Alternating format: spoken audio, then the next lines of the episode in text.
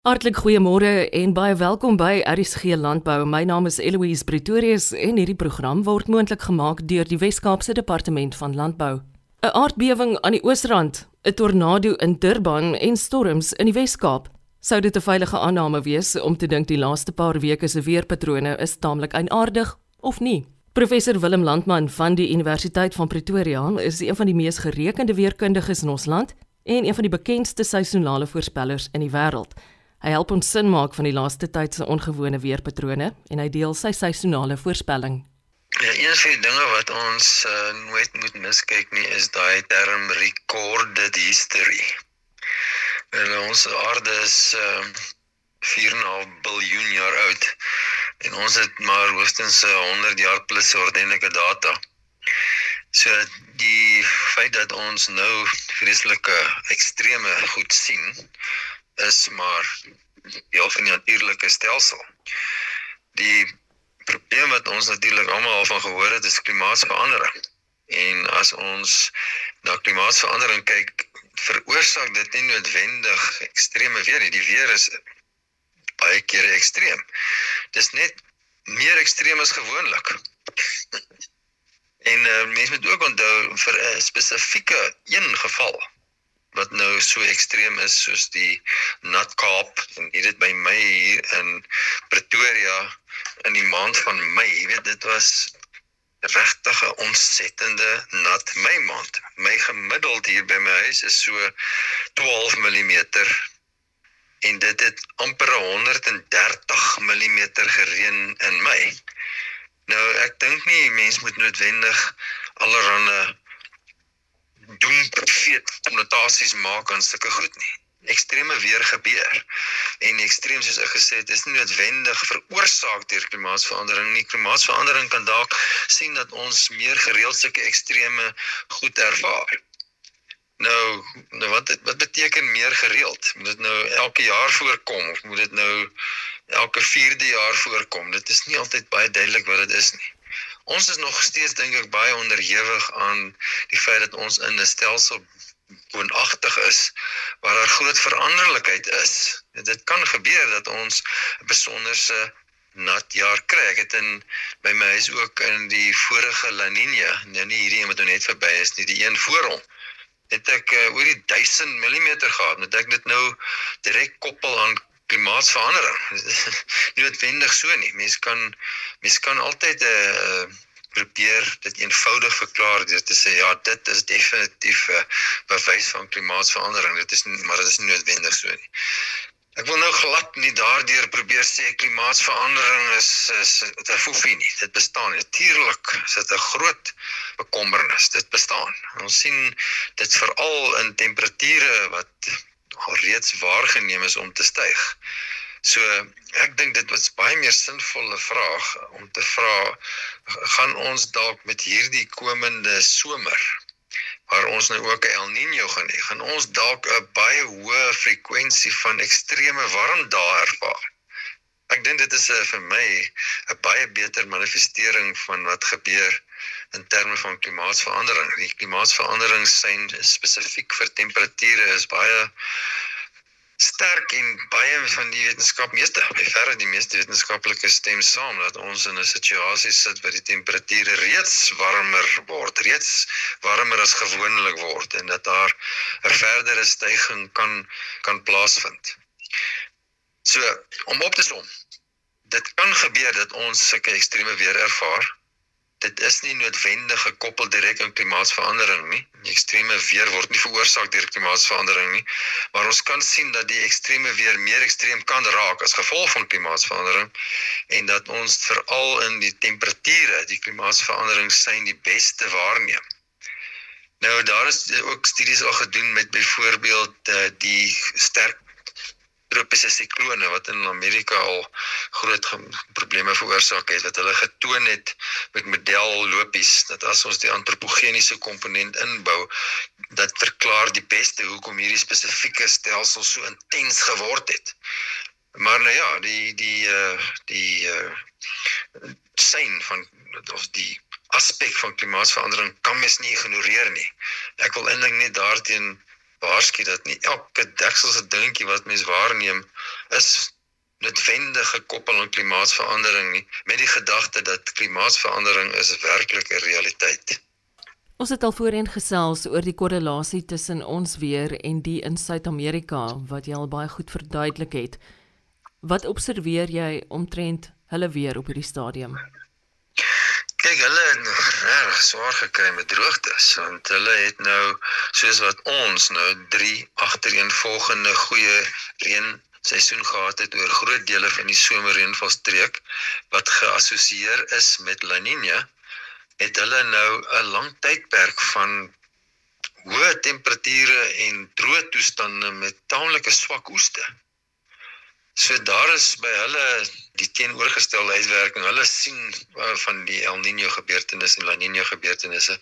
Hulle sien met groot opgewondenheid uit na hierdie komende El Niño seisoen want hulle hulle kry goeie reën tydens El Niño jare. So asseblief al die mense wat kerk toe gaan, nou asseblief bid dat El Niño moet weggaan nie. Die El Niño is nodig vir party plekke om goeie reën te kry soos byvoorbeeld Suidoos Suid-Amerika.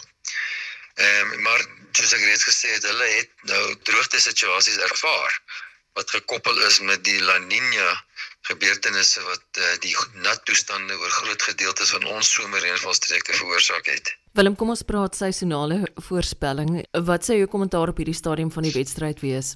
Ja, so ons het 'n uh, uh, El Niño Summit gehad so 'n paar weke terug waar ons uh, nou nie wou 'n uh, vreeslik oproer veroorsaak almal nou hulle gaan vrek bekommer nie, maar net om mense te begin daarvan bewus maak dat ons baie waarskynlik op pad is na 'n El Niño seisoen. Dit is wel eintlik ook te wagte want soos ek reeds nou gesê het, ons het 3 La Niña jare gehad.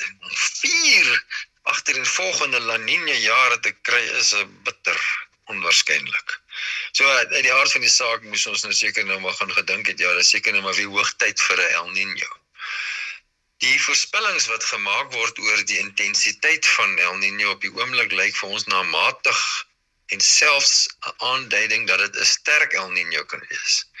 En met die El Niño soos wat ek reeds nou gesê het, kan ons verwag dat dat dat ons nie net uh dalk 'n gebrek aan reënval kan ervaar oor die somerreënvalstreke en oor somertye nie.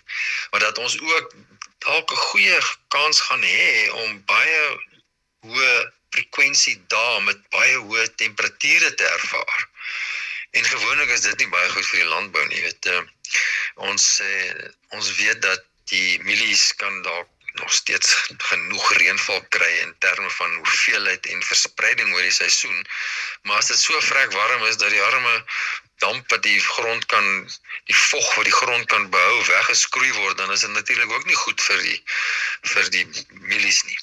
So wat die komende seisoen betref, al wat ons nog op hierdie stadium kan sê met taamlike sekerheid en dat daar 'n El Niño op pad is. Nou as ons nou ook wil probeer teen hierdie tyd reënval voorspellings maak, is ons nou nog 'n bietjie lank voor die tyd. Ons het voorspellings probeer en die voorspellings vir die lente maande waar die voors, seisonale voorspellings nie so goed vaar as tydens midsomer nie, wys vir ons ons kan dalk baie plekke 'n nat lente hê. Dit is nie ongewoon met El Niño dat ons so 'n sogenaamde Engels nou false starts tot die seisoen hê tydens El Niño jare wat pragtig begin en dan soos wat ons nou in die hoofsomermaande in beweeg dan reën ons bly die reën weg of dit reën baie minder as gewoonlik. So as ons net kan kyk wat gewoonlik gebeur in El Niño jare, dit kan nat begin maar dan baie kere dan sien ons dat daar tydens El Niño jare droogtes is. Interessant om te sien ook dat nie elke El Niño gebeurtenis is gepaard gaan gepaard met droogte toestande oor Suid-Afrika.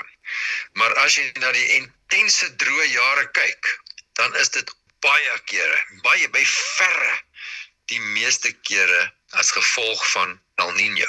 Kortom, die El Niño gebeurtenis veroorsaak nie altyd droogtes nie, maar as ons intense droogtes ervaar, is dit omtrent altyd El Niño verwant. So al het ons nou 'n voorspelling wat dalk vir ons bietjie iets positiefs vertel oor die lente maande, dink ek moet mens maar eerder op hierdie stadium die ergste kan probeer verwag. Eerder jouself indink uh, ons het nou drie nat seisoene gehad. Hoe gaan ons nou die komende seisoen bestuur waar die grondvog dalk miskien hoog genoeg is dat plante kan laat leef, dat ons damme het wat propvol is.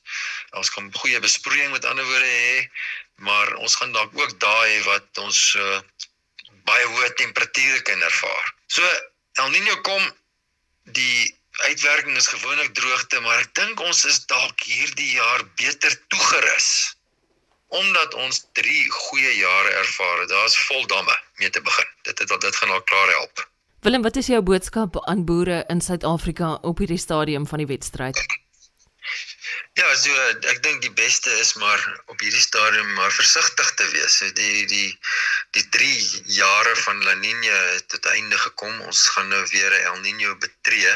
Dit lyk na El Niño wat matig tot selfs sterk kan wees en wanneer ons dan die El Niño het met die gepaardgaande droogte soos wat dit gewoonlik gebeur, is dit maar eerder beter om nie 'n seisoen te betree waar jy 'n klomp kansse gaan waag nie.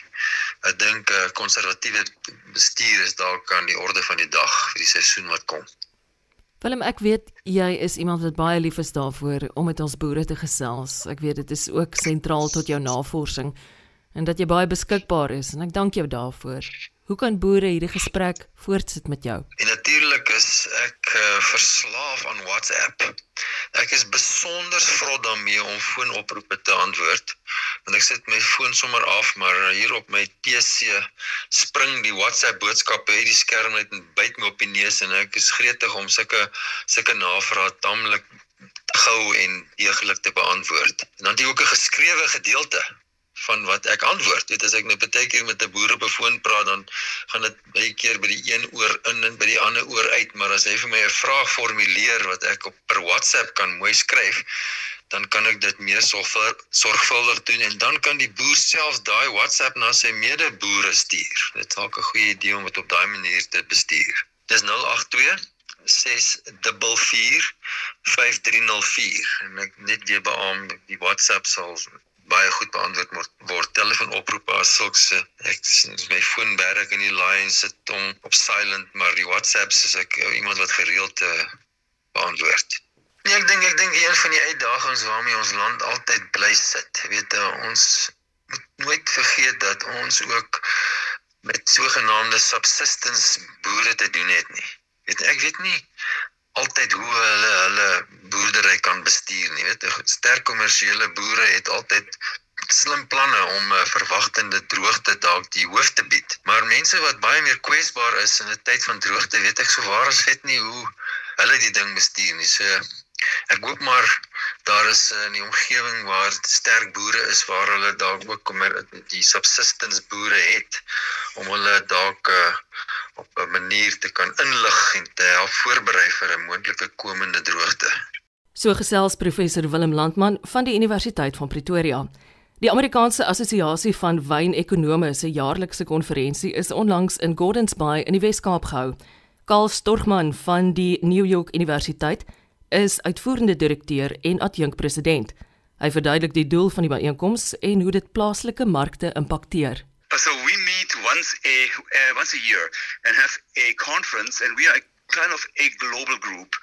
So uh, we meet once a year at fancy places. Like these are all places that have wine and normally weather is good.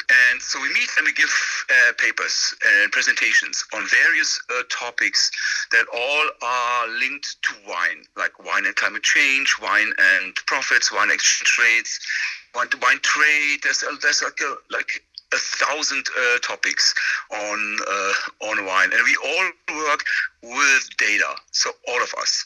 So we are all uh, academics. We all work with data, and we like present our papers. And some are on like or like wine topics here, but some talk about where they're from, from like Hungary or China or like the, US. And one of the things is to exchange ideas and methods and to net network. So a lot of people uh, meet here the first time and then they start some like joint uh, some uh, joint research. And so that is the whole purpose to hold or to have one kind of meeting point once a year of everybody globally that does quantitative research on wine. Uh, so we got some intro by Rico Basson on profits and trends and problems and chances that are uh, there. Then after that, we had a plenary of winemakers that are black, and they talked about their like opportunities and problems. After that, we had a like wine tasting by these guys, and that was a that was a wonderful thing. That was a wonderful thing. I think my takeaway was South Africa wants to export more higher priced wine. So that was one of the things that I thought I actually learned from this. And when I looked up the stats, I also saw that South Africa exports a lot of bulk. And um, it's kind of a to me to learn like all of the bulk bulk wine, which is first of all really really cheap, goes to countries and nations that are rich. Like South Africa exports a lot of bulk wine to the UK, a lot to Germany, and so the prices of these wines are extremely low, um, as opposed to wines that are like sold bottled, which go to other countries like Kenya, Ghana, and Namibia. So that is a fantastic thing that there's so much bulk going going out, and that depresses the price. Uh, you have your own grapes. You have a, a pinotage that exists I think just here, um, quality is top top notch. So, so uh, quality is world class. For whatever reason, it is hard for South Africa to compete with France and Italy in, in, in parts. I know exactly why. This is in spite of the pretty good exchange rate because the, uh, the rand is relatively weak now. So normally it should be relatively easy to export, keep up the good quality, and uh, try to reach out more into countries that are rich and export in bottled. Do not export that much in bulk. Bulk price is too low. I do think there could be a problem, or we have we have seen this year, climate change, which is of course not just here. We we have seen climate change everywhere. In France, in the UK, and for some countries is good. For the for the Brits, it's pretty good. France is probably cut in half. South Africa has felt it too. There's this like this problem of like water, and it's getting really hot. So that will take probably some changes. And I do think that South Africa has all these options, so you can move like vineyards from A to B, which like in Europe people cannot do. But it's going to be a challenge for everybody, and South Africa needs to be like ready for that. So that I think that's just one of the topics. Climate change is a topic that South Africa will face or has faced too as everybody else. Karl Storgman van New York Universiteit is uitvoerende direkteur en adjunkpresident van die Amerikaanse Assosiasie van Wynekonome. Direkteur van besigheidsontwikkeling en strategie by die Wes-Kaapse Departement van Landbou Dr Dirk Troski beskryf die departement se betrokkeheid by die geleentheid en hoe dit van waarde is in besluitnemingsprosesse deur diegene in ons wynbedryf. In die eerste plek het ons as departement het besluit om hierdie konferensie te ondersteun want ons praat hierso van internasionale ekonome wat 'n belangstelling in die wynbedryf toon en ons is oortuig daarvan dat Suid-Afrikaanse wyn is 'n baie goeie produk baie goeie waarde vir geld en ons wil graag hê dat hierdie uh, ekonome wat reg oor die wêreld versprei is blootgestel moet word aan ons produk sodat ons hoop wanneer hulle terug is in hulle land van oorsprong ons positiewe reaksie kan kry van hulle en in hulle spesifieke invloedsfeer dan daar iets positief geskryf sal word of in 'n lesing iets positief gesê gaan word van Suid-Afrikaanse wyn. Ek dink ons het daarin geslaag. Ons ons het daarin geslaag om hierdie mense se voete heeltemal onder hulle uit te slaan. En Saterdag en en Sondag het ons nou die mense na verskillende wynplase toe geneem. Uh, ongelukkig kon ons net 'n uh, paar wynplase besoek en ons kon nie te veel besoek nie. Maar ek moet sê die weer het absoluut fantasties saamgespeel. So ons het hierdie wonderlike helder wintersdae gehad En elke oggend as ons op 'n plaas arriveer, dan sal nog so mis wat oor die wingerde hang of in die vallei en die mis trek weg en die skoonheid van die wynlande kom uit en ons kon vir hierdie mense dan nou 'n wyn aanbied van absoluut topgehalte en teen ongelooflike bekostigbare pryse. So ek dink in daai doelwit het ons baie sterk geslaag en ons het selfs aanbiedinge gekry van sommige persone wat sê maar kan ons nie deur middel van wyn Suid-Afrika iets reël in hulle land van oorsprong om die wyne te bemark van die algemene verbruiker in daai lande besef nie noodwendig uh, waar dit vandaan kom nie. So so dis die een rede hoekom ons betrokke was by die hele oefening en hoekom ons tyd afgestaan het om deel te wees van die reëlingskomitee en so aan. En die tweede ding wat ons gedoen het is om dan nou ook van ons eie mense bloot te stel maar ook dan nou die kelderstudente. So die finale jaar kelderstudente en sommige van ons beamptes wat byvoorbeeld in die vingerseksie werk, het ons gesê hoorie so man kom woon die konferensie by want hierdie is 'n ideale geleentheid vir hierdie studente en hierdie beamptes om dan nou ook blootstelling te kry aan die mense van 21 lande 22 saam met Suid-Afrika.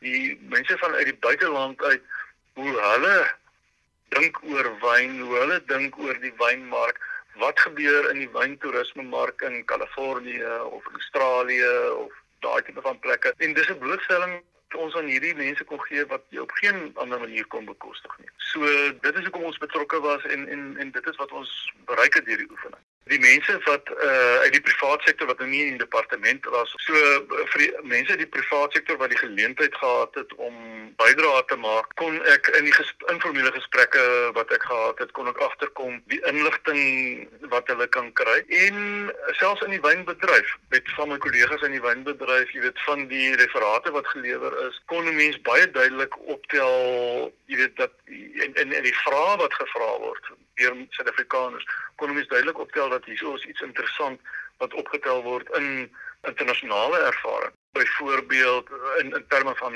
wyntoerisme of in terme van groot vraagstuk wat byvoorbeeld na vore gekom het is die pryselastisiteit van die vraag na spesifieke wynprodukte en hoe daai pryselastisiteit van die vraag nie noodwendig reageer volgens die algemene opvatting van hoe dit behoort te reageer op sekere omstandighede en dat mense noodwendig die doelwitte gaan bereik deur verhoogde belasting of verhoogde aksies op jou wynprodukte as wat 'n mens graag sou wil bereik nie. So ja, daar's definitief 'n voordele ook vir die mense uit ons wynbedryf wat deelgeneem het aan die oefening. Direkteur van Besigheidsontwikkeling en Strategie by die Wes-Kaapse Departement van Landbou, Dr Dirk Troski. Jy het pas geluister na RSG Landbou. Onthou al ons programme is beskikbaar op www.elsenburg.com. Ek is Eloise Pretorius en ek sien uit na ons volgende afspraak môre om kwart voor 12. Intussen wens ek jou alle sukses vir hierdie Vrydag wat voorlê. Totsiens.